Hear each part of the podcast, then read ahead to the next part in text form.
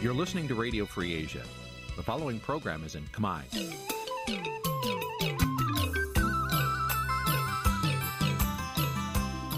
Nǐ ជាកម្មវិធីផ្សាយ Vuthu Azizi Serai នេះជាកម្មវិធីផ្សាយរបស់ Vuthu Azizi Serai ជា ភាសាខ្មែរ Vuthu Azizi Serai សូមស្វាគមន៍លោកអ្នកនាងទាំងអស់ពីរដ្ឋធានី Washington នៃសហរដ្ឋអាមេរិកចាប់ពីរដ្ឋធានី Washington នាងខ្ញុំម៉ៃសុធានីសូមជម្រាបសួរលោកអ្នកស្ដាប់ទាំងអស់ជាទីមេត្រីចាយើងខ្ញុំសូមជូនការផ្សាយសម្រាប់ព្រឹកថ្ងៃប្រហ័ស12កើតខែមករាឆ្នាំឆ្លូវត្រីស័កពុទ្ធសករាជ2565ហើយដល់ត្រូវនឹងថ្ងៃទី16ខែធ្នូគ្រិស្តសករាជ2021 ជាកិច្ចចាប់ផ្ដើមនេះនាងខ្ញុំសូមអញ្ជើញលោកអ្នកនាងកញ្ញាស្ដាប់ព័ត៌មានប្រចាំថ្ងៃដែលមានមេត្តាដូចតទៅ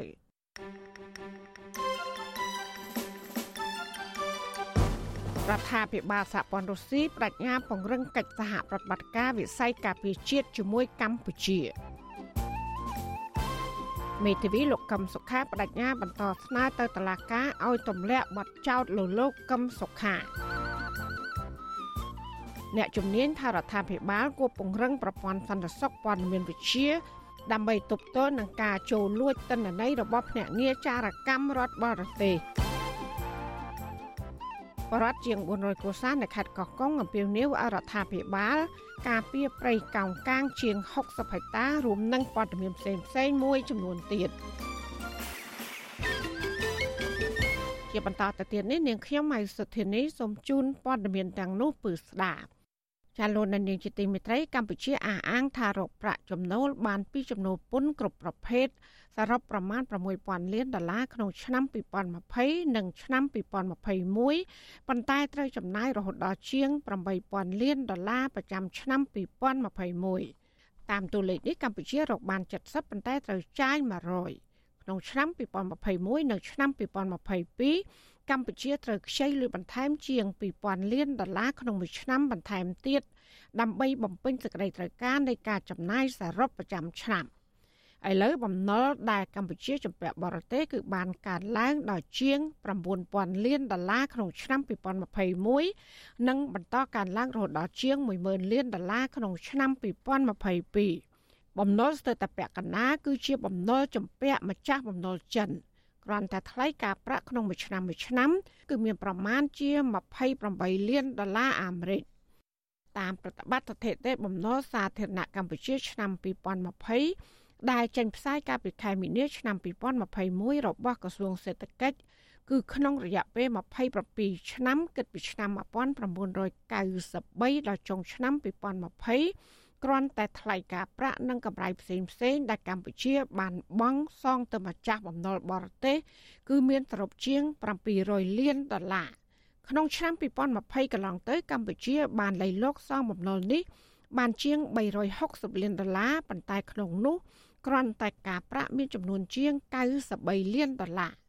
ទោះជាយ៉ាងនេះក្តីមន្ត្រីរដ្ឋាភិបាលអះអាងដដែលដដែល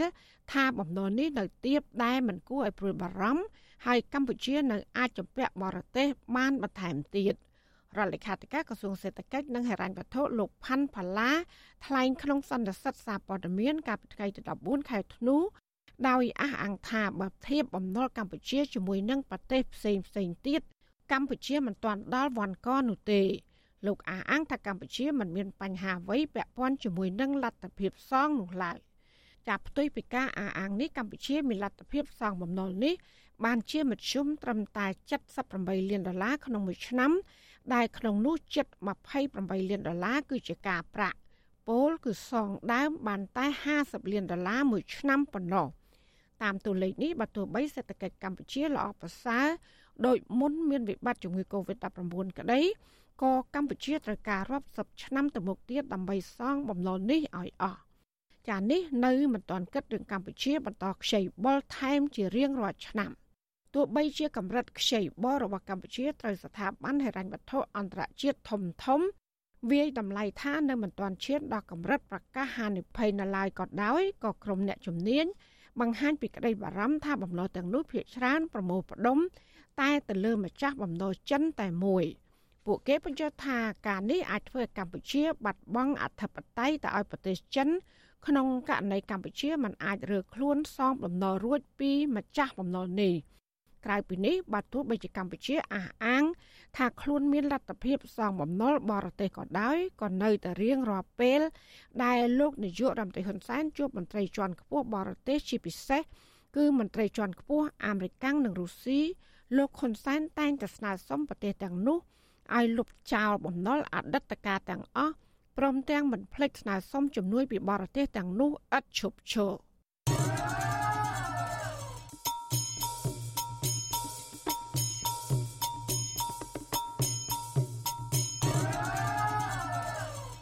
ចាលោកអ្នកស្ដាប់ជាទីមេត្រីមន្ត្រីជាន់ខ្ពស់សន្តិសុខរដ្ឋាភិបាលសហព័ន្ធរុស្ស៊ីបដិញ្ញាពង្រីកកិច្ចសហប្រតិបត្តិការវិស័យការពារជាតិនិងវិស័យច្រើនទៀតជាមួយនឹងកម្ពុជាទីភ្នាក់ងារសារព័ត៌មានកម្ពុជាអាកាពេរិកាថាលេខាធិការក្រមប្រឹក្សាសន្តិសុខនៃរដ្ឋាភិបាលសហព័ន្ធរុស្ស៊ីលោកនីកូឡាយប៉ាទ្រូសេវបានសន្យាជាមួយលោកនាយករដ្ឋមន្ត្រីហ៊ុនសែននៅក្នុងជំនួប កាលពីថ្ងៃទី15ខែធ្នូថានឹងបន្តពង្រឹងកិច្ចសហប្រតិបត្តិការរវាងប្រទេសទាំងពីរលើវិស័យសំខាន់សំខាន់មួយចំនួនដែលរួមមានវិស័យការពារជាតិសង្គមគិច្ចអប់រំសេដ្ឋកិច្ចពាណិជ្ជកម្មធម្មពលបច្ចេកវិទ្យាសន្តិសុខការផ្លាស់ប្តូរព័ត៌មាននិងវិស័យដទៃទៀតលោកឌីកូឡាយប៉ាត្រូសេវអះអាងថាមកដល់ពេលនេះកិច្ចសហប្រតិបត្តិការក្នុងវិស័យទាំងនេះកំពុងតែរីកចម្រើន។ ជាមួយគ្នានេះមន្ត្រីជាន់ខ្ពស់សន្តិសុខរុស្ស៊ីរូបនេះក៏បានប្រគល់គ្រឿងអិសរាជយុថ្នាក់មិត្តភាពដល់លោកហ៊ុនសែនក្រោមហេតុផលថាលោកហ៊ុនសែនបានចូលរួមចំណែកដើរតួសំខាន់ក្នុងការរក្សានិងពង្រឹងទំនាក់ទំនងរវាងកម្ពុជារុស្ស៊ីតកតងបញ្ហានេះអ្នកវិភាគនយោបាយដែលតែងតែរិះគន់ការដឹកនាំរបស់លោកហ៊ុនសែន គឺលោកកឹមសុខថានេះគឺជាការលើកទឹកចិត្តដល់លោកហ៊ុនសែនដើម្បីឲ្យលោកបន្តការពារផលប្រយោជន៍របស់ប្រទេសរុស្ស៊ីដែលជាសម្ព័ន្ធមិត្តចាស់របស់កម្ពុជាទប់ទល់នឹងឥទ្ធិពលមហាអំណាចផ្សេងផ្សេងទៀតមិនជាគ្រឿងអ៊ីសារិយយុធម្មតាទេប៉ុន្តែខ្ញុំយល់ថាវាជាការបំពាក់ស្មារតីនយោបាយឲ្យលោកហ៊ុនសែននៅឈរឲ្យរឹងមាំជាមួយរុស្ស៊ីក្នុងការធ្វើជាមិត្តជាមួយមីនអ៊ុងលៀង មេរដ្ឋប្រហារយោធានៅប្រទេសភូមាហើយឲ្យលោកហ៊ុនសែននឹងឈរឲ្យរឹងមាំតទល់នឹងសម្ព័ន្ធមិត្តអាមេរិកនៅក្នុងតំបន់អាស៊ានជាពិសេសសមាជិកអាស៊ានចាស់ចាស់ហើយនឹងសម្ព័ន្ធមិត្តអាមេរិកពីខាងក្រៅដូចជាជប៉ុននិងប្រទេសប្រជាធិបតេយ្យសេរីផ្សេងទៀតដែលគេទាមទារឲ្យមានការដោះស្រាយដោយសមរម្យក្នុងការប្រគល់អំណាចនៅប្រទេសភូមាទៅឲ្យ ក្រុមលោកស្រីអង្គស៊ូជីដូច្នេះហើយក្រុមលោកហ៊ុនសែនទំនងជានឹងទទួលយកស្មារតីពីរុស្ស៊ីដើម្បីតទល់ទៅនឹងក្រុមប្រទេសប្រជាធិបតេយ្យសេរីណាឆ្លើយទៅភាគីរុស្ស៊ីវិញលោកហ៊ុនសែនថាកម្ពុជាចង់ឲ្យមានកិច្ចព្រមព្រៀងពាណិជ្ជកម្មសេរីរវាងប្រទេសទាំងពីរនិងចង់បន្តពង្រឹងកិច្ចសហប្រតិបត្តិការទ្វេភាគីជាមួយរុស្ស៊ីលើគ្រប់វិស័យនោះដែរ។ មន្ត្រីជាន់ខ្ពស់រុស្ស៊ីលោកនីកូឡាយប៉ាត្រូសេវមកបំពេញទស្សនកិច្ចនៅកម្ពុជារយៈពេល2ថ្ងៃដោយបិទបញ្ចប់នៅថ្ងៃទី16ខែធ្នូនេះគឺក្រោយពេលដែលលោកបានទៅប្រទេសឥណ្ឌូនេស៊ីកាលពីដើមសប្តាហ៍នេះស្ថានទូតរុស្ស៊ីបានបញ្ជាក់ថាទស្សនកិច្ចនេះគឺផ្ដោតលើបញ្ហានានាទាក់ទងនឹងសន្តិសុខ ទស្សនកិច្ចរបស់មន្ត្រីជាន់ខ្ពស់រុស្ស៊ីនេះស្របទៅនឹងដំណើរទស្សនកិច្ចនៅតំបន់អាស៊ីអាគ្នេយ៍របស់ប្រមុខការទូតអាមេរិកលោក Anthony Blinken ដើម្បីពង្រឹងទំនាក់ទំនងសេដ្ឋកិច្ចនិងលើកឡើងពីសភាពការអាក្រក់នៅប្រទេសមីយ៉ាន់ម៉ាឬភូមាា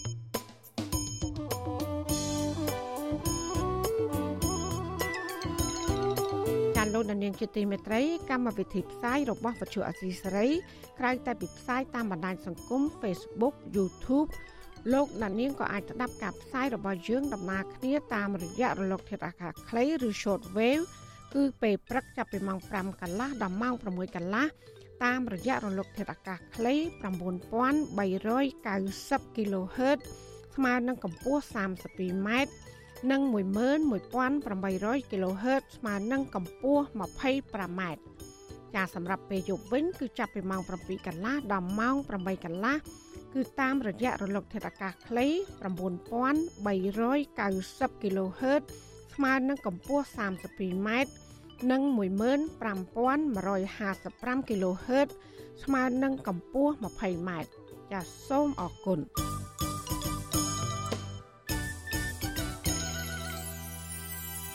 ចាលោកនាងជាទីមេត្រីមេដឹកនាំរដ្ឋាភិបាលឯកបៈលោកហ៊ុនសែនអះអាងថាលោកនឹងប្រឹងប្រែងសម្រួលសភាពការនៅប្រទេសមីយ៉ាន់ម៉ាឬភូមាឲ្យវិលទៅរកស្ថានភាពមួយល្អប្រសើរឡើងវិញអ្នកតាមដានស្ថានភាពនយោបាយជំរុញឲ្យមេដឹកនាំកម្ពុជារូបនេះគុំព្យាយាមទាញរបបសឹកភូមាឲ្យចូលវេទិកាថ្នាក់តំបន់និងអន្តរជាតិដែលកម្ពុជាក្រុងរៀបចំក្នុងនាមជាប្រធានបដូវវេនអាស៊ាន ចាលោកទីនសាករាយារីកាអំពីរឿងនេះ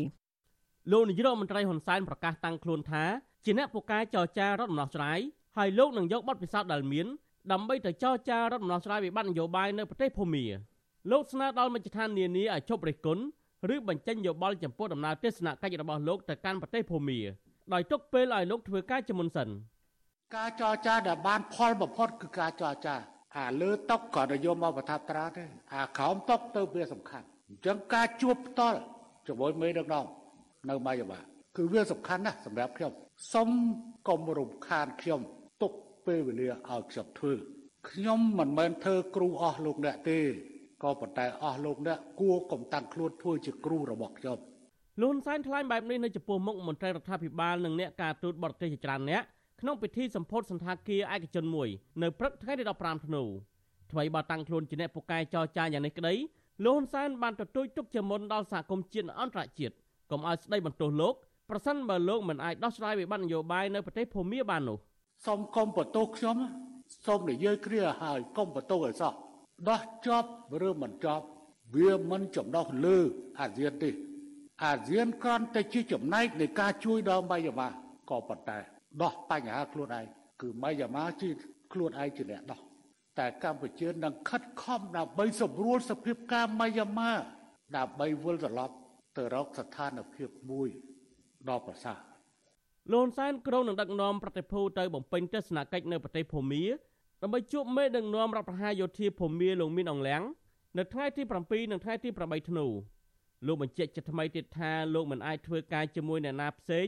ក្រៅពីមេដឹកនាំយោធារូបនេះឡើយ លោកប្រកាសថាលោកនឹងតែងតាំងរដ្ឋមន្ត្រីការបរទេសរបស់លោកគឺលោកប្រាក់សុខុនជាបេសកជនពិសេសរបស់អាស៊ាន និងរដ្ឋមន្ត្រីក្រសួងឧស្សាហកម្មលោកចំប្រសិទ្ធជាជំនួយការសម្រាប់សម្របសម្រួលជាមួយភាគីភូមាលោកហ៊ុនសែនអះអាងម្ដងទៀតថាការព្យាយាមទាញប្រទេសភូមាត្រឡប់មកវិញនេះជាការអនុវត្តតាមធម្មនុញ្ញអាស៊ាន និងជាការសង្គ្រោះអង្គការតំបន់មួយនេះដែលលោកថាកំពុងតែបែកបាក់គ្នាដោយសារតែវិបត្តិនយោបាយនៅភូមា ទោះជាណាក្រុមអ្នកតាមដានស្ថានភាពនយោបាយពិនិត្យឃើញថាប្រទេសភូមាត្រូវបានគេផាត់ចេញពីវេទិកាថ្នាក់តំបន់និងអន្តរជាតិដោយសារតែប្រទេសនេះកំពុងគ្រប់គ្រងដោយរបបសឹកដែលកាប់សម្លាប់និងបង្ក្រាបដោយហិង្សាលើបរិវត្តរបស់ខ្លួនអ្នកខ្លមើលថាករណីនេះមិនមែនបង្ហាញថាអាស៊ានបែកបាក់នោះទេតែបង្ហាញថាអាស៊ានមានសាមគ្គីភាពក្នុងការដាក់សម្ពាធលើមេដឹកនាំប្រទេសជាសមាជិករូបណាដែលប្រព្រឹត្តអំពើរំលោភសិទ្ធិមនុស្សធ្ងន់ធ្ងរទៅវិញទេ អគ្គលេខាធិការសហព័ន្ធនិស្សិតបញ្ញវន្តកម្ពុជាលោកគៀនពន្លកថ្លែងថា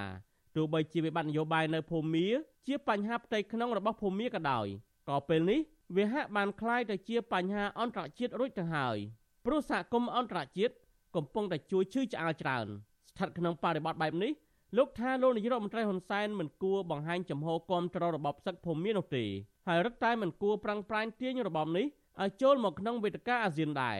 នេះគឺជាដំណើរមួយដែលលោកនាយករដ្ឋមន្ត្រីហ៊ុនសែនកំពុងតែលំអៀងទៅរកមេដឹកនាំផ្ដាច់ការដែលអន្តរជាតិកំពុងតែកោតទោសហើយជាពិសេសហ្នឹងគឺប្រសិនបើកម្ពុជា នៅតែបន្តគ្រប់គ្រងទៅលើមេដឹកនាំផ្ដាច់ការបែបនេះទៀតខ្ញុំគិតថានេះគ្រាន់តែជាលេសមួយដើម្បីចងសម្ព័ន្ធភាពហើយរដ្ឋាភិបាលកម្ពុជាក៏ប្រឈមទៅនឹងការដាក់ទណ្ឌកម្មទាំងផ្នែកសេដ្ឋកិច្ចនិងផ្នែកនយោបាយដូចជាប្រទេសកម្ពុជាដែរ ទាក់ទងនឹងការចរចារដ្ឋដំណោះស្រាយវិបត្តិនយោបាយនៅភូមិមាននេះដែរអ្នកស្រាវជ្រាវផ្នែកភូមិសាស្ត្រនយោបាយលោកវ៉ាន់ប៊ុនណាថ្លែងថារ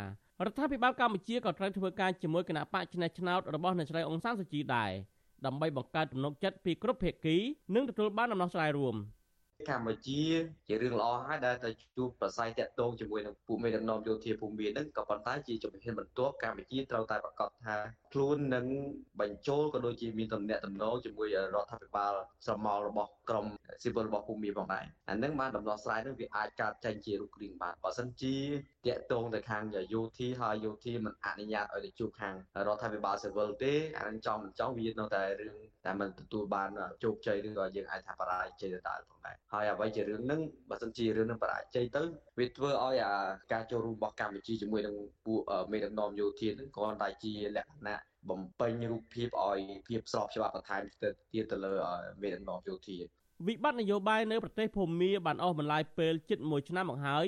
បន្ទាប់ពីក្រមយោធាបានធ្វើរដ្ឋប្រហារដណ្ដើមអំណាចពីរដ្ឋាភិបាលស៊ីវិលដឹកនាំដោយអ្នកស្រីអ៊ុនសានស៊ូជីកាលពីដើមខែកុម្ភៈឆ្នាំ2021 កងកម្លាំងយោធានិងសន្តិសុខក្រមបញ្ជារបស់ឧត្តមសេនីយ៍មានអង្លាំងបានវាយបង្ក្រាបក្នុងថ្លុកឈាមមកលើក្រមពលរដ្ឋដែលតវ៉ាប្រឆាំងនឹងអំពើរដ្ឋប្រហារ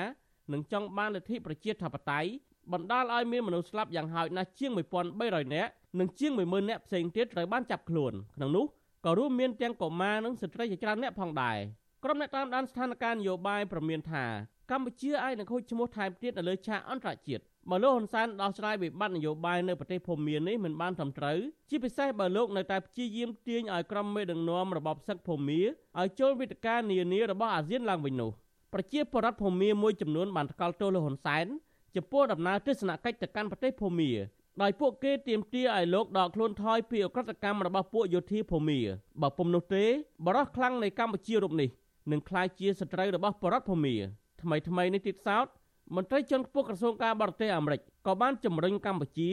កុំឲ្យធ្វើសម្បទានណាមួយទៅឲ្យរបបសឹកយោធាភូមាក្នុងពេលខ្លួនធ្វើជាប្រធានអាស៊ានខ្ញុំធីនសាការីយ៉ាអស៊ីសេរីប្រធានីវ៉ាស៊ីនតោនចាលោកនាងជាទីមេត្រីពាក់ព័ន្ធនឹងការអះអាងរបស់លោកហ៊ុនសែនថានឹងប្រឹងប្រែងសម្រួលសភាពការនៅប្រទេសមីយ៉ាន់ម៉ាឬភូមាមន្ត្រីបកប្រឆាំងរិះគន់រដ្ឋាភិបាលកម្ពុជាថានៅមិនបានទាន់អនុវត្តខ្លួនឯងឲ្យបានល្អនៅឡើយ ការមន្ត្រីសង្គមស៊ីវិលយល់ថារដ្ឋាភិបាលគួរតែដោះស្រាយបញ្ហាជាប់គាំងនយោបាយផ្ទៃក្នុងប្រទេសជាមុនសិន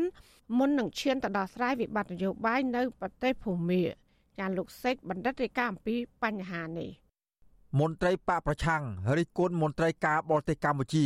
ដែលអួតអាងនៅចំពោះក្រមប្រទេស G7 នៅក្នុងកិច្ចប្រជុំតាមអនឡាញថាมันបានដោះស្រាយបញ្ហានយោបាយនៅក្នុងប្រទេសផងបែរជាចង់បង្កើតបរិយាកាសសន្តិនិកនៅក្នុងតំបន់អាស៊ានជាពិសេសមន្ត្រីបកប្រឆាំងដែលកំពុងរស់នៅក្រៅប្រទេសលោកអ៊ុំសំអាន ប្រាប់វិទ្យុអាស៊ីសេរីនៅថ្ងៃទី15ធ្នូថារដ្ឋាភិបាលកម្ពុជា និងរដ្ឋាភិបាលភូមាបច្ចុប្បន្នជារបបផ្ដាច់ការដែលបានសម្លាប់ប្រជាធិបតេយ្យ និងកើតចេញពីការប្លន់សិលឹកឆ្នោតពីបកប្រឆាំងដូចគ្នាដូច្នេះมันអាចបង្កើតបរិយាកាសសន្តិនិកសម្រាប់ភាគីពាក់ព័ន្ធទាំងអស់ក្នុងតំបន់អាស៊ានបានឡើយពិសេសការតាំងខ្លួនជាអាជ្ញាកណ្ដាលដោះស្រាយវិបត្តិនយោបាយនៅភូមាលោកបន្តថារដ្ឋាភិបាលលោកហ៊ុនសែនកំពុងចង់ឲ្យអាស៊ានទទួលស្គាល់ភាពស្របច្បាប់របស់មេដឹកនាំផ្ដាច់ការលោកមីងអងលៀងប៉ុណ្ណោះហើយទង្វើនេះក៏ជាការបំពេញនៅឆន្ទៈរបស់ចិន ដែលចង់ទាញរបបសឹកភូមាឲ្យចូលរួមជាសមាជិកស្របច្បាប់ក្នុងកិច្ចប្រជុំអាស៊ាន ដែលមានកម្ពុជាជាម្ចាស់ផ្ទះផងដែរលោកបញ្ជាក់ថាបើកម្ពុជាចង់ដោះស្រាយបញ្ហាភូមាពិតមែននោះកម្ពុជាត្រូវតែបើកលំហសិទ្ធិសេរីភាពស្ដារលទ្ធិប្រជាធិបតេយ្យឡើងវិញព្រមទាំងរៀបចំការបោះឆ្នោតត្រឹមត្រូវដោយមានការចូលរួមពីបកសង្គ្រោះជាតិដែលត្រូវបានបកកណ្ដាលអំណាចរំលែកកាលពីឆ្នាំ2017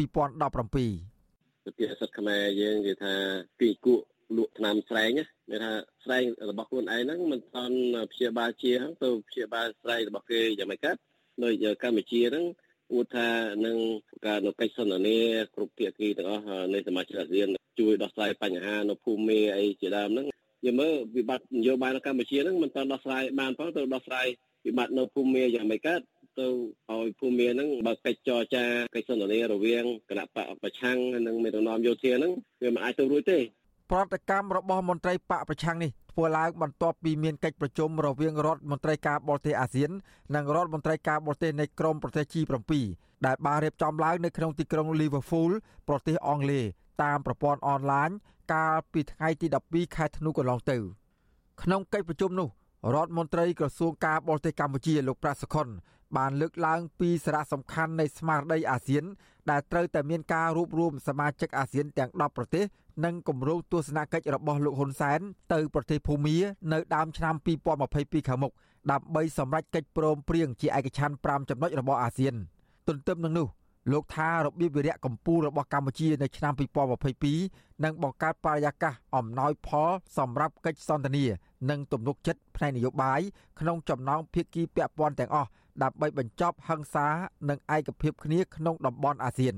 វត្តជូអាស៊ីសេរីនៅពុំទាន់អាចតាក់ទងแนะនាំពាក្យក្រសួងការបរទេសលោកកុយគួងដើម្បីសូមអធិប្បាយជុំវិញបញ្ហានេះបានទេនៅថ្ងៃទី15ខែធ្នូ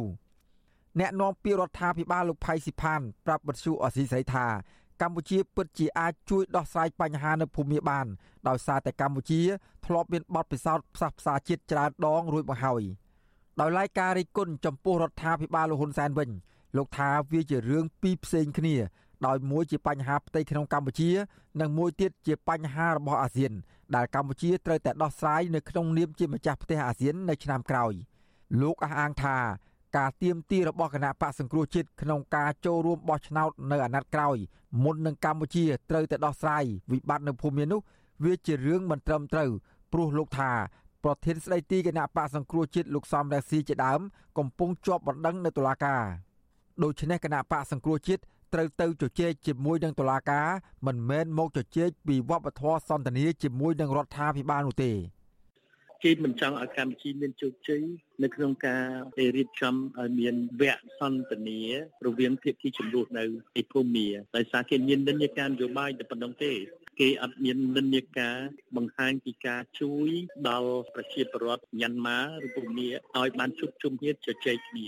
ឬយើងមានគោលបំណងកាត់ផ្តាច់ភូមិចេញពីសហគមន៍របស់អាស៊ានបើធ្វើអញ្ចឹងគឺវាអត់ត្រូវច្បាប់ពីព្រោះអាស៊ាន10ហើយអាស៊ានគ្មានច្បាប់ណាដែលឲ្យលុបលាន់ដាក់ឯកំហុសអ្នកនេះអ្នកនោះទេទោះយ៉ាងណាអ្នកខ្លំមើលសិទ្ធិមនុស្សនៃអង្គការលីកាដូលោកអំសម្បត្តិយល់ឃើញថា កម្ពុជាចាំបាច់ត្រូវតែដោះស្រាយបញ្ហាជាប់គាំងនយោបាយនៅក្នុងប្រទេសជាមុនសិនដើម្បីឈានទៅដោះស្រាយវិបត្តិនៅភូមា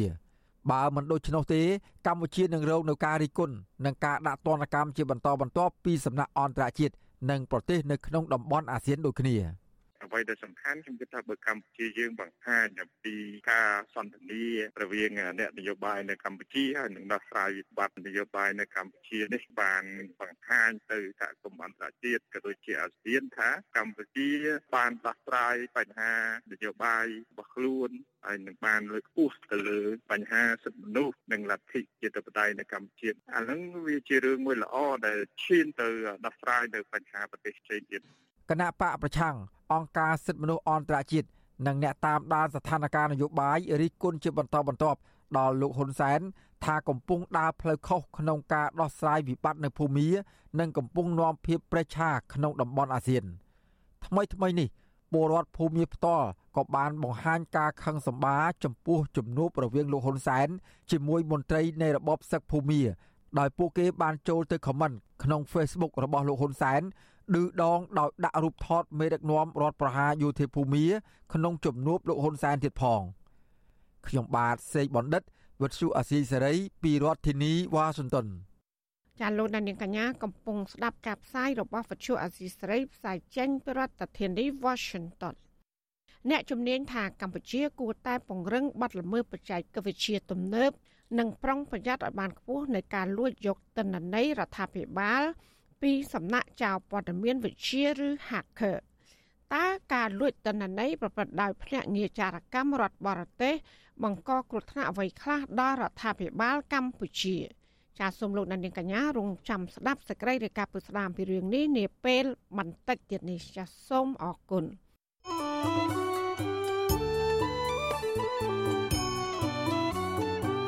ចាលោកនាងជាទីមេត្រីក្នុងអាការនេះដែរគ្នាងខ្ញុំសូមថ្លែងអំណរគុណចំពោះលោកនាងកញ្ញាទាំងអស់ដែលតែងតែមានភក្ដីភាពចំពោះការផ្សាយរបស់យើងនេះហើយចាត់ទុកការស្ដាប់របស់វិទ្យុអសីស្រីគឺជាផ្នែកមួយនៃសកម្មភាពប្រចាំថ្ងៃរបស់លោកអ្នកការគ្រប់គ្រងរបស់លោកនាងនេះហើយដែលធ្វើឲ្យយើងខ្ញុំមានទឹកចិត្តកាន់តែខ្លាំងថែមទៀតក្នុងការស្វែងរក និងផ្តល់ព័ត៌មានជូនលោកនាងការមានអ្នកស្ដាប់ អ្នកទស្សនាកាន់តែច្រើន កាន់តែធ្វើឲ្យយើងខ្ញុំមានភាពស្វាហាប់មោះមុតជាបន្តទៀត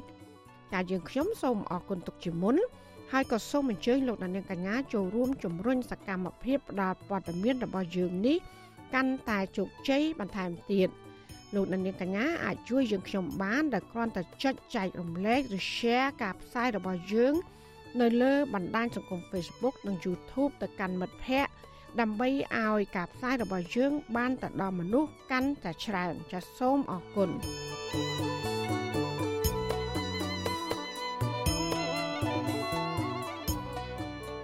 ចាលោកអ្នកស្ដាប់ជទីមេត្រីសាកមេធាវីការពីក្តីឲ្យប្រធានគណៈបពប្រឆាំងលោកកឹមសុខាអះអាងថាពួកគេបានត្រៀមខ្លួនរួចហើយដើម្បីតតាំងក្តីមួយនេះនៅក្នុងសវនាការនៅដើមឆ្នាំ2022ខាងមុខ ចំណែកមេធាវីរដ្ឋាភិបាលវិញ ដែលជាភាគីដើមបណ្ដឹងក៏បានអះអាង ថាពួកគេនឹងប្រឹងប្រែងយកឈ្នះក្តីនេះឲ្យខាងតែបានចាក្រមមេធាវីនិងលោកកឹមសុខាថារហូតមកដល់ពេលនេះគេនៅមិនទាន់បានទទួលដីកាពីតុលាការនៅឡើយតាក់ទងនឹងការបន្តសវនាការឡើងវិញ ក្នុងករណីលោកកឹមសុខាជាប្រធានាធិបតី Washington លោកយុនសាមៀនរាយការណ៍ព័ត៌មាននេះ សហមេធាវីការពីក្តីលោកកឹមសុខាលើកឡើងថាព័ត៌មានជុំវិញការបន្តសវនាការលើកូនក្តីរបស់ពួកគេនៅមិនទាន់ផ្លូវការនៅឡើយទេពីព្រោះពួកគេមិនទាន់បានទទួលដីកាទោះបីជាយ៉ាងណាអ្នកស្រីមេងសុភារីមេធាវីម្នាក់ក្នុងចំណោមមេធាវីការពីក្តីឲ្យលោកកឹមសុខាប្រាប់វិទ្យុអាស៊ីសេរីនៅថ្ងៃទី15ខែធ្នូថាអ្នកស្រីបានត្រៀមខ្លួនការពីក្តីឲ្យលោកកឹមសុខារួចរាល់ហើយអ្នកស្រីនឹងជំរុញឲ្យតុលាការទម្លាក់ចោលការចោទប្រកាន់ ពីព្រោះការបង្ហាញភ័ស្តុតាងរបស់តុលាការកន្លងមកបញ្ជាក់ថាកូនក្តីរបស់អ្នកស្រី មិនបានប្រព្រឹត្តដោយការចោទប្រកាន់នោះទេជាការពិតហើយអឺដោយសារកូនក្តីយើងខ្ញុំអត់បានប្រព្រឹត្តអំពើក្បត់ជាតិទេដោយទៅវិញគាត់ជាបុគ្គលដែលស្នេហាជាតិហើយយើងនៅតែទៀមទីឲ្យមានការអឺលើកលែងនិយាយរួមគឺបើនិយាយតាមពាក្យច្បាប់ហ្មងគឺឲ្យរួចខ្លួនពីបទចោទប្រកាន់ចា៎ វិទ្យុអាស៊ីសេរីនៅមិនទាន់អាចសុំការឆ្លើយតបពីប្រធានលេខាធិការដ្ឋានសាលាដំបងរាជធានីភ្នំពេញលោកអ៊ីរ៉ានបាននៅឡើយទេនៅថ្ងៃទី5ខែធ្នូដោយទូរស័ព្ទហៅចូលតែគ្មានអ្នកទទួល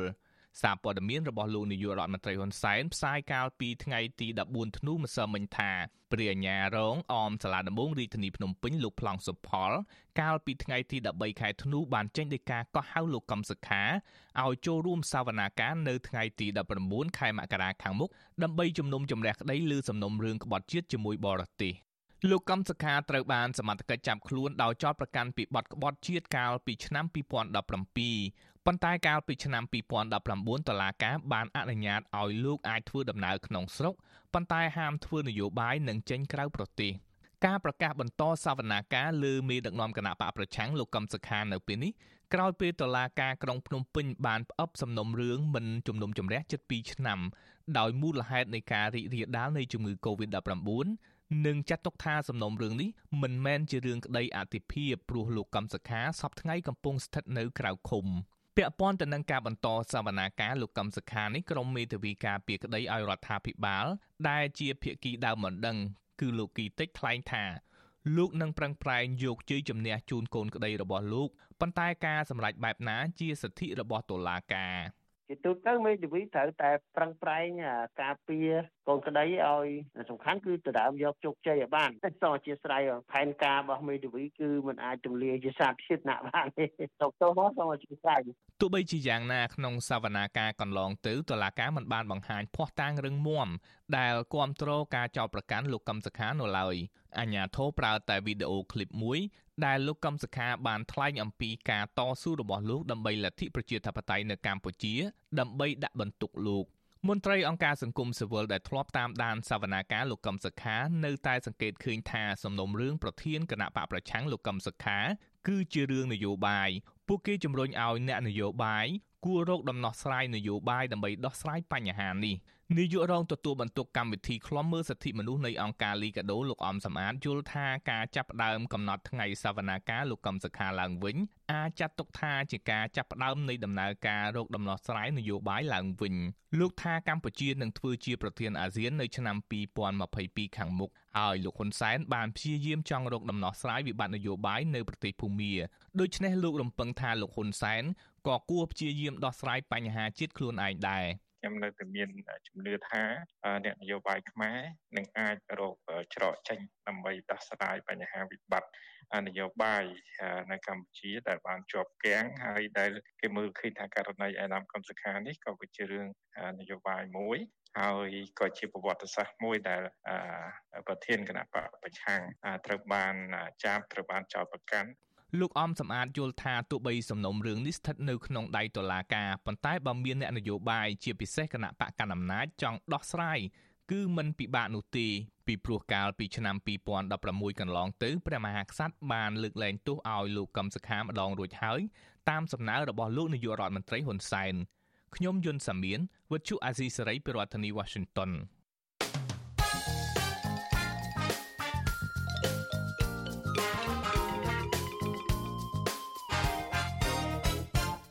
ចានៅខេត្តកោះកុងឯនោះវិញប្រជាប្រដ្ឋជាង400កុសាបន្តអំពាវនាវឲ្យរដ្ឋាភិបាលពិនិត្យមើលពីប្រសិទ្ធភាពការងាររបស់អាជ្ញាធរខេត្តនេះដែលបណ្ដាលបណ្ដោយឲ្យជនល្មើសទន្ទ្រានប្រៃកោងកាងតាមអំពើចិត្ត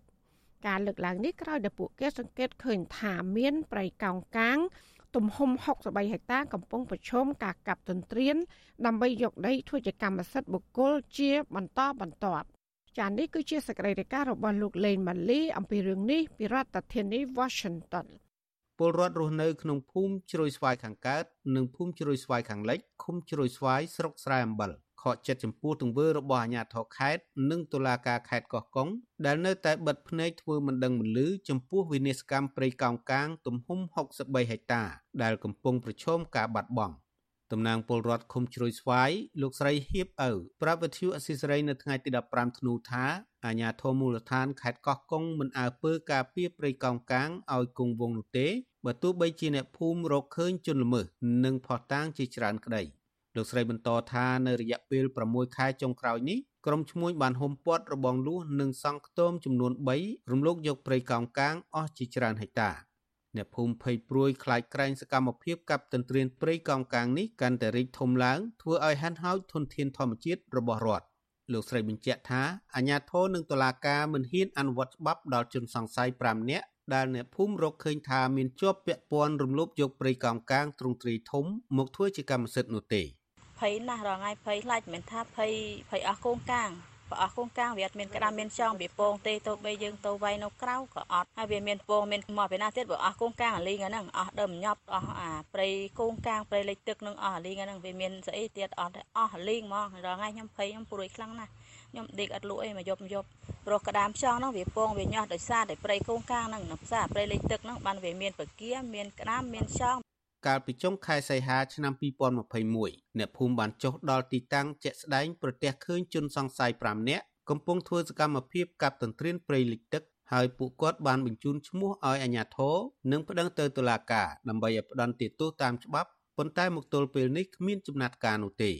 រីឯជនសង្ស័យទាំង5នោះនៅតែបន្តកាប់រៀនព្រៃកោងកាងដដែលអស់ប្រមាណជាង13ហិកតានៅរយៈពេល7ខែចុងក្រោយនេះ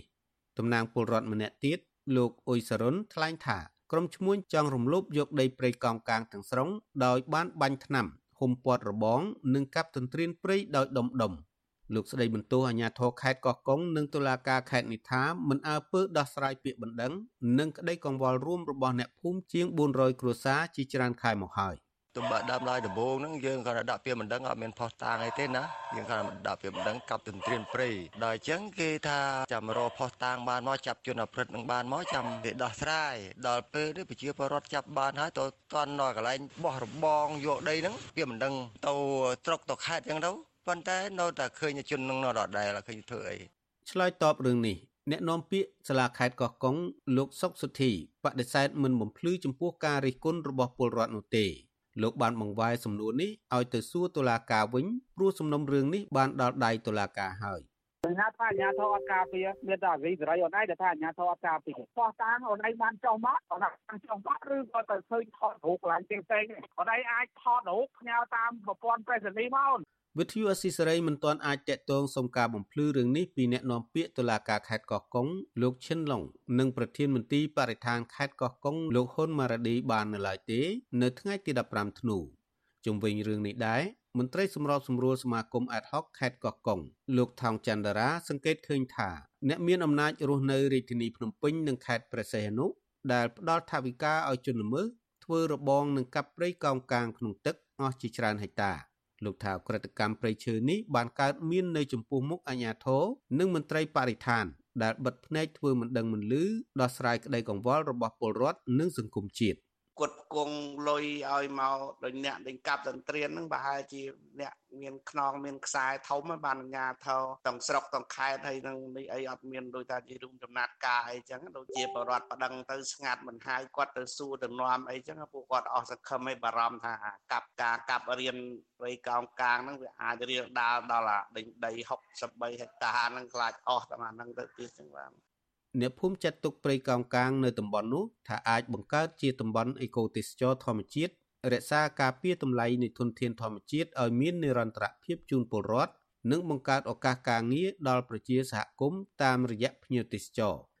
ព្រៃកោងកាងនោះស្ថិតក្នុងតំបន់ឆ្នេរសមុទ្រជ្រោយស្វាយនៃភូមិជ្រោយស្វាយលិច ឃុំជ្រោយស្វាយស្រុកស្រែអំបិលជាប្រភពសេដ្ឋកិច្ចយ៉ាងសំខាន់របស់ពលរដ្ឋ8ភូមិនេសាទត្រីរកប្រាក់ចំណូលដោះស្រាយជីវភាពហើយប្រសិនបើបាត់បង់នឹងបង្កគ្រោះថ្នាក់ដល់បរិស្ថានប៉ះពាល់ជំរកត្រីពងកូនសត្វស្លាបជីវៈចម្រុះសមុទ្រនិងជីវភាពសហគមន៍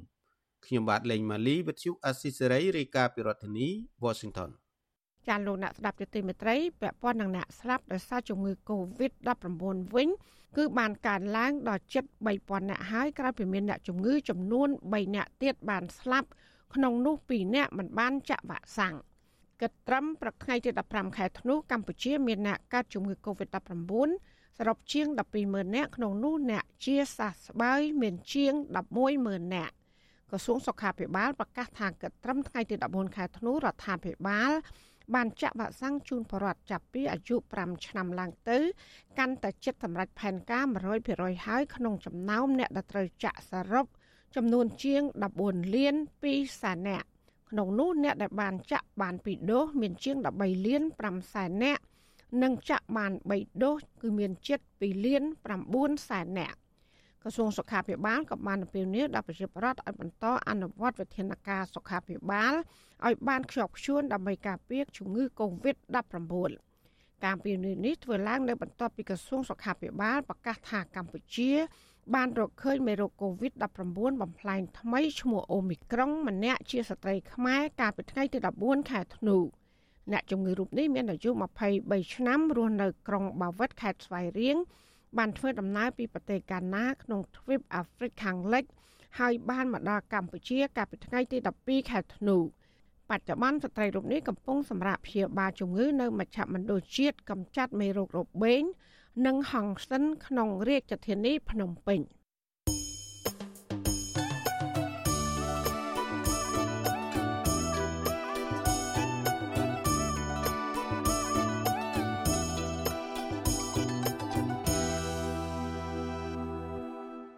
ចាលោកដានៀងកញ្ញាកំពុងស្ដាប់ការផ្សាយរបស់វិទ្យុអាស៊ីស្រីផ្សាយចេញពីរដ្ឋធានី Washington ចាគ្រូពេទ្យកុមារឲ្យដឹងថាជំងឺផ្ដាសាយធម្មតា និងជំងឺគ្រុនផ្ដាសាយធំ តែងតែកើតមានឡើងលើកុមារជារឿយរឿយមុនកុមារចាប់ផ្ដើមចូលសាលារៀនពួកគេគ្រុនផ្ដាសាយយ៉ាងតិច5ឬ6ដង ក្នុងមួយឆ្នាំ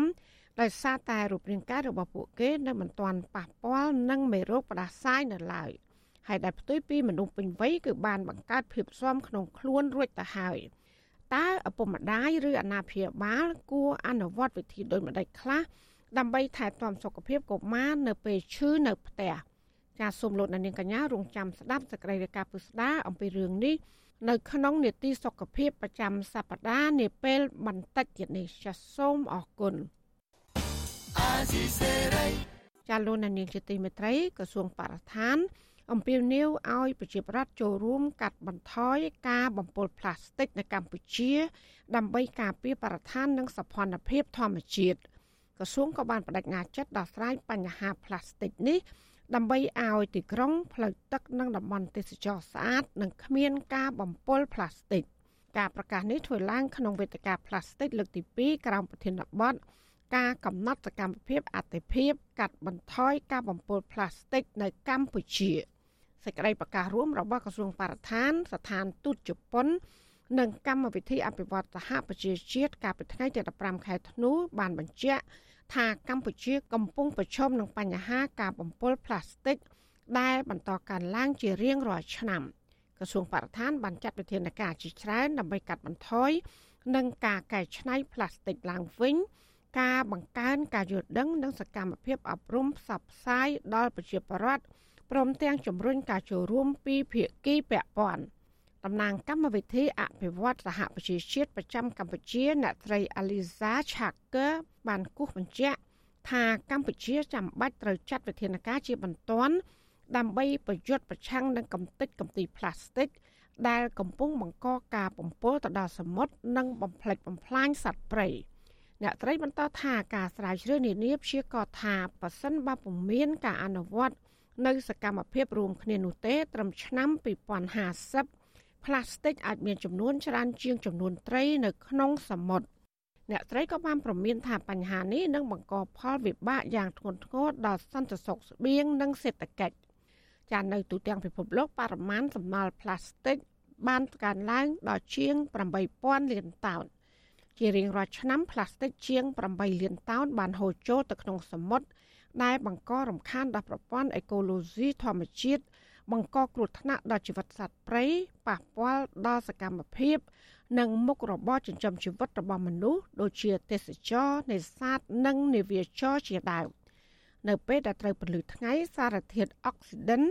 និងសម្ពាធពីបរិយាកាសខាងក្រៅកំទេចកំទីផ្លាស្ទិកនឹងរលាយបន្តិចម្ដងបន្តិចម្ដងហើយបំបែកទៅជាភាគល្អិតតូចៗដែលគេហៅថាមីក្រូផ្លាស្ទិក ចានៅពេលដែលសត្វសមុទ្រត្រីនិងបក្សីលេបមីក្រូផ្លាស្ទិកទាំងនេះចូលទៅក្នុងពោះនោះវាបណ្ដាលឲ្យស្លាប់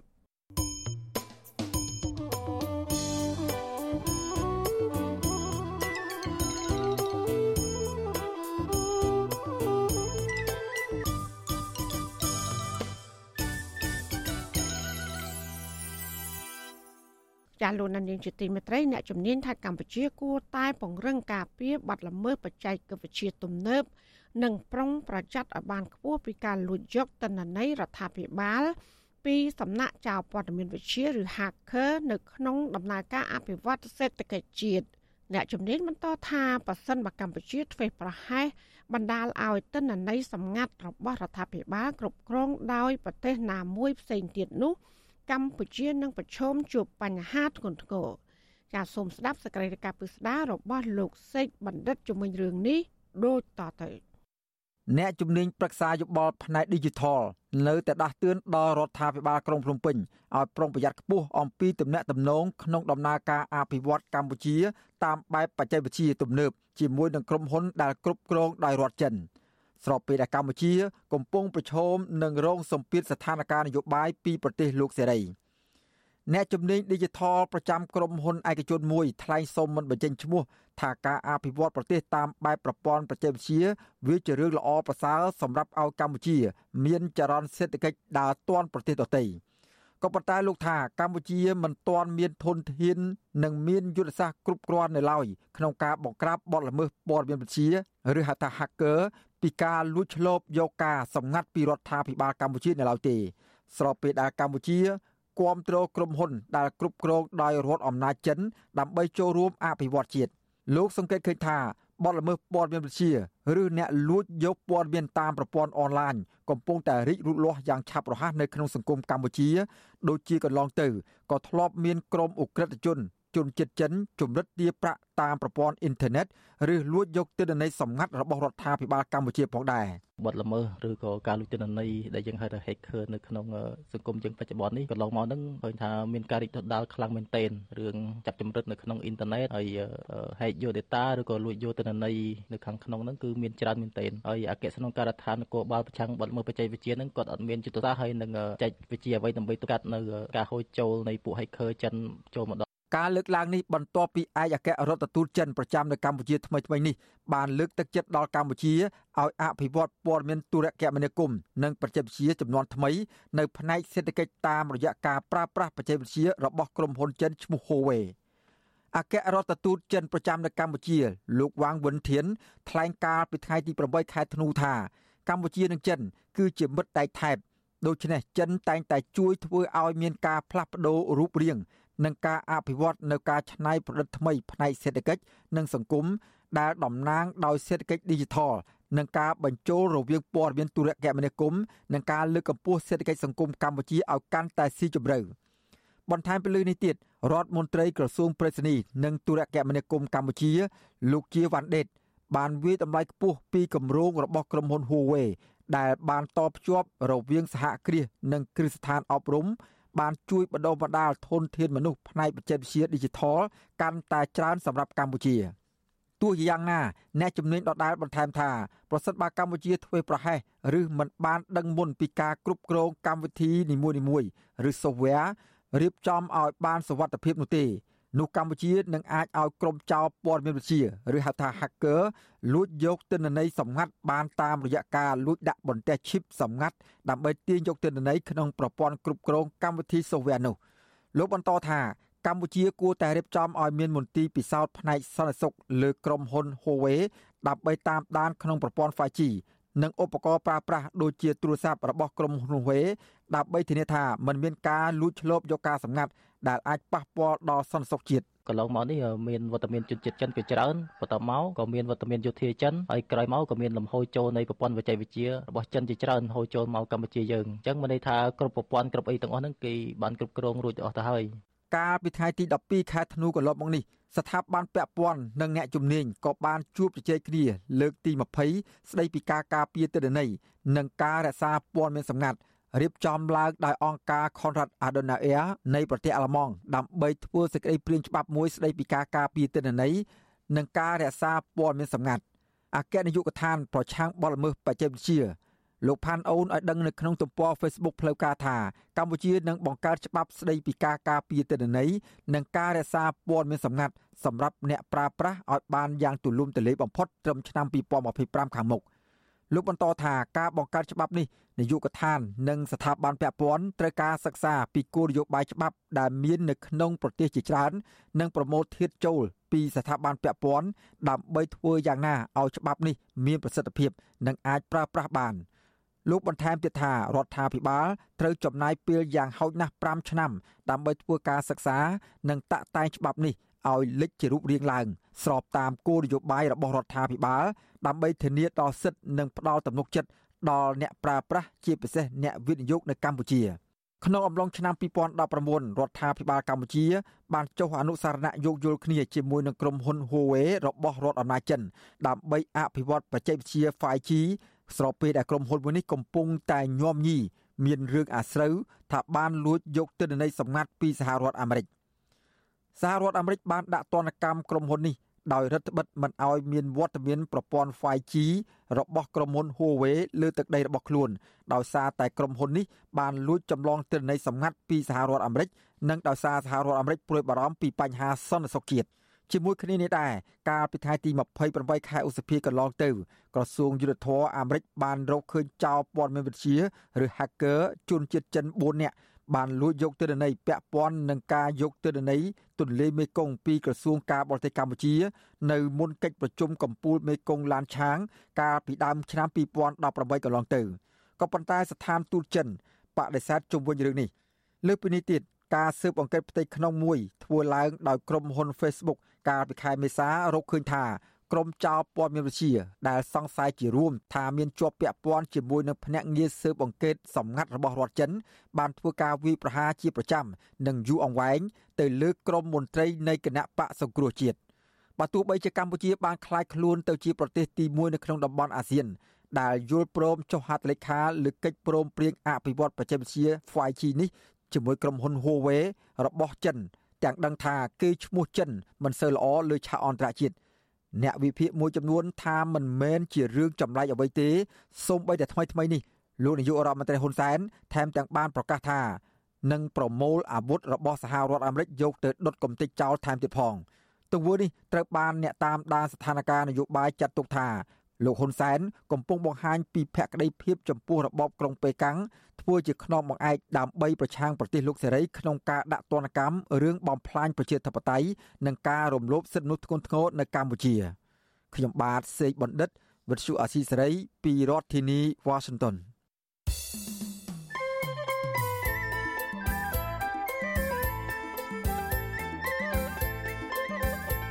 នេតិសុខភាព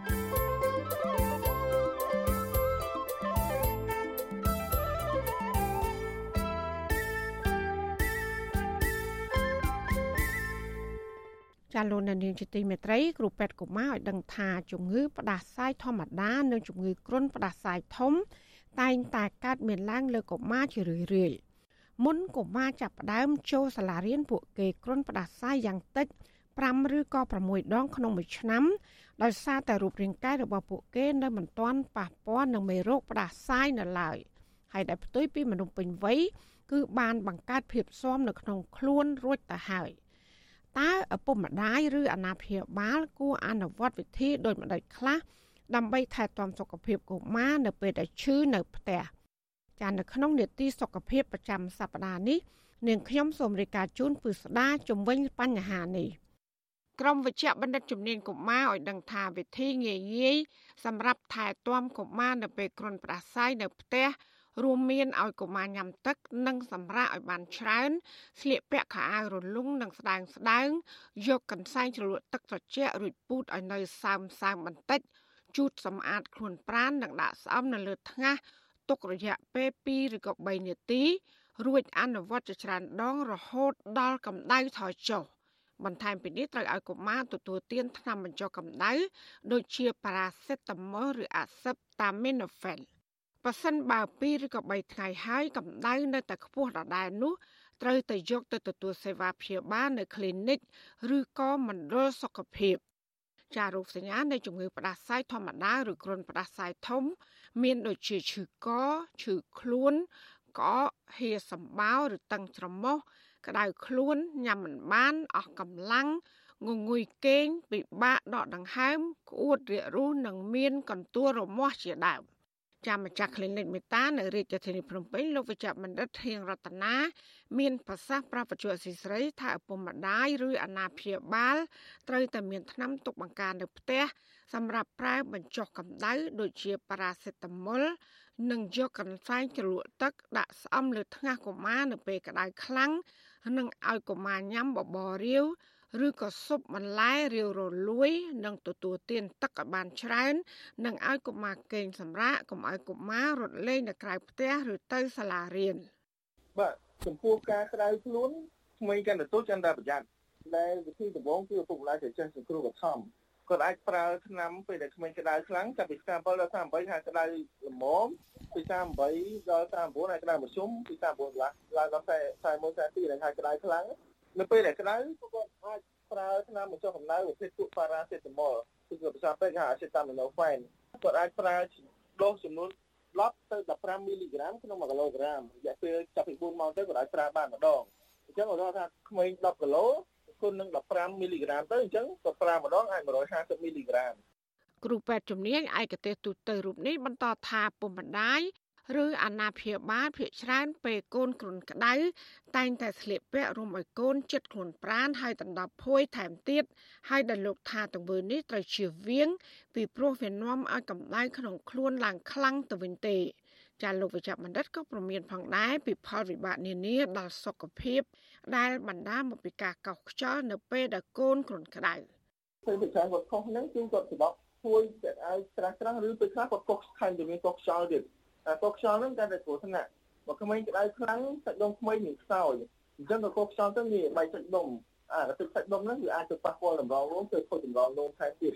អញ្ចឹងអាមូលហេតុទាំងអស់ហ្នឹងវាធ្វើកម្ដៅកាន់តែឡើងខ្លាំងកាន់តែឡើងខ្លាំងគាត់ស្ដប់យូរអូនឡើងក្តៅខ្លាំងនឹងតែបង្កើតចេញអញ្ចឹងនៅពេលដែលបង្កើតធ្វើឲ្យក្មេងបាត់បង់ជាតិទឹកបាត់បង់ជាតិខហើយទៅខ្លះអាចប៉ះពាល់ដល់ពុទ្ធបាលទៀតអញ្ចឹងនៅពេលក្មេងក្តៅខ្លាំងគឺឲ្យញ៉ាំសាប៉ារ៉ាសេតាមុលដូចខ្ញុំប្រាប់មុនហ្នឹង10ទៅ15មីលីក្រាមក្នុង1គីឡូក្រាម ហើយជិះខ្លួនឲ្យក្មេងក៏មួយទឹកម្ដងក៏បានដែរហើយដោះកៅអៅឲ្យគាត់ក៏ពាក់ឲ្យស្ដើងស្ដើងគេហទំព័រសុខភាពក្រមគ្រូពេទ្យជំនាញ WebMD ឲ្យដឹងថារោគសញ្ញានៃជំងឺផ្ដាសាយនិងគ្រុនផ្ដាសាយធំ គឺមានភាពស្រដៀងគ្នាដែលពេលខ្លះมันអាចដឹងមួយណាបានឡើយប៉ុន្តែគេអាចកាត់សម្គាល់ថាក្មេងកាត់ជំងឺគ្រុនផ្ដាសាយធំ គឺស្ថានភាពជំងឺវិវត្តធ្ងន់ធ្ងរយ៉ាងឆាប់រហ័សដូចជាគ្រុនក្តៅរាករូស ក្អួតខ្វះជាតិទឹកអស់កម្លាំងលហិតលហៃកកស្ងួត និងបណ្ដាលឲ្យរលាកសួត និងរលាកបំពង់ក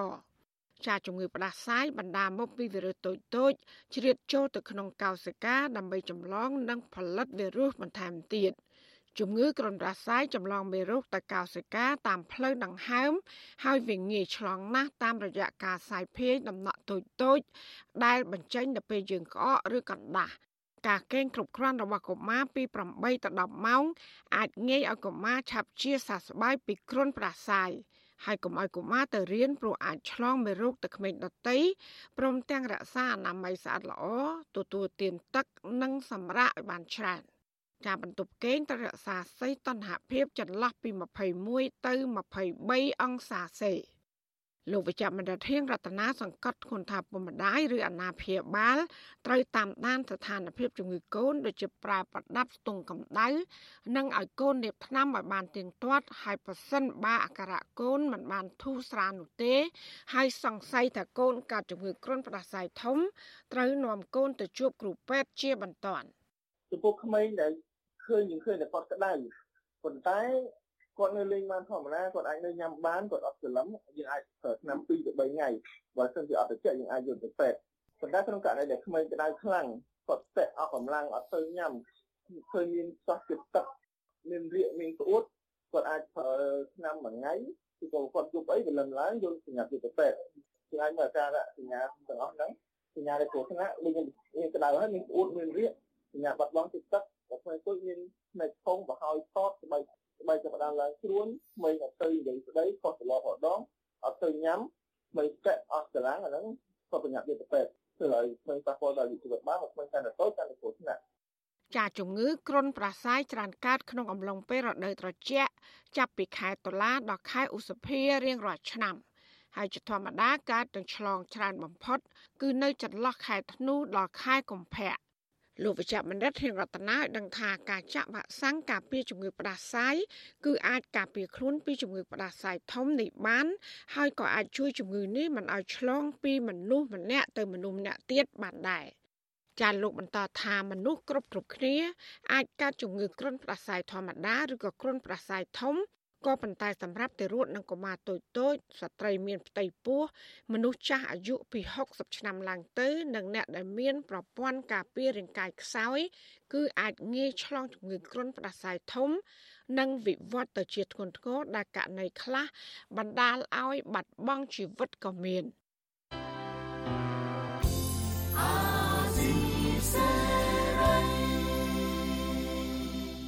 ចាលោកនាងកញ្ញាជាទីមេត្រីការផ្សាយរយៈពេល1ម៉ោងនៃវិទ្យុអាស៊ីស្រីជាភាសាខ្មែរនៅពេលនេះចាប់តែប៉ុណ្ណេះ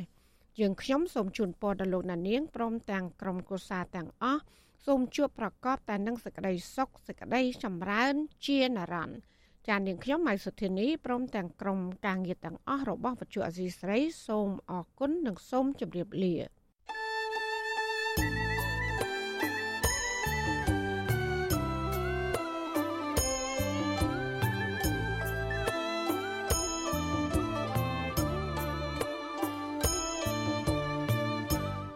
ទ្យុអាស៊ីសេរីផ្សាយតាមរលក ធាតុអាកាសខ្លីឬ short wave តាមកម្រិតនិងកម្ពស់ដូចតទៅនេះពេលព្រឹកចាប់ពីម៉ោង5កន្លះដល់ម៉ោង6កន្លះតាមរយៈរលកធាតុអាកាសខ្លី9390 kHz ស្មើនឹងកម្ពស់ 32m និង11850 kHz ស្មើនឹងកម្ពស់ 25m ពេលយប់ចាប់ពីម៉ោង7កន្លះដល់ម៉ោង8កន្លះតាមរយៈរលកធាតុអាកាសខ្លី 9390 kHz ស្មើនឹងកម្ពស់ 32m និង15155 kHz ស្មើនឹងកម្ពស់ 20m លោកអ្នកនាងក៏អាចស្ដាប់ការផ្សាយផ្ទាល់តាមប្រព័ន្ធអ៊ីនធឺណិតដោយចូលទៅកាន់គេហទំព័រ www.rfa.org/ ខ្មែរក្រៅពីនេះលោកអ្នកនាងក៏អាចអាននិងទស្សនាព័ត៌មានវិទ្យុអេស៊ីសេរីលើទូរស័ព្ទដៃរបស់លោកអ្នកផ្ទាល់ សូមលោកអ្នកនាងចូលទៅកាន់បណ្ដាញសង្គម Facebook ដែលមានអាសយដ្ឋាន www.facebook.com/rfa.cambodia និង YouTube www.youtube.com/rfa ខ្មែរ video សូមលោកអ្នកនាងចុច like និងចុច subscribe ដើម្បីទទួលបានព័ត៌មានថ្មីៗទាន់ហេតុការណ៍និងទស្សនាវីដេអូផ្សេងៗទៀតបានគ្រប់ពេលវេលា។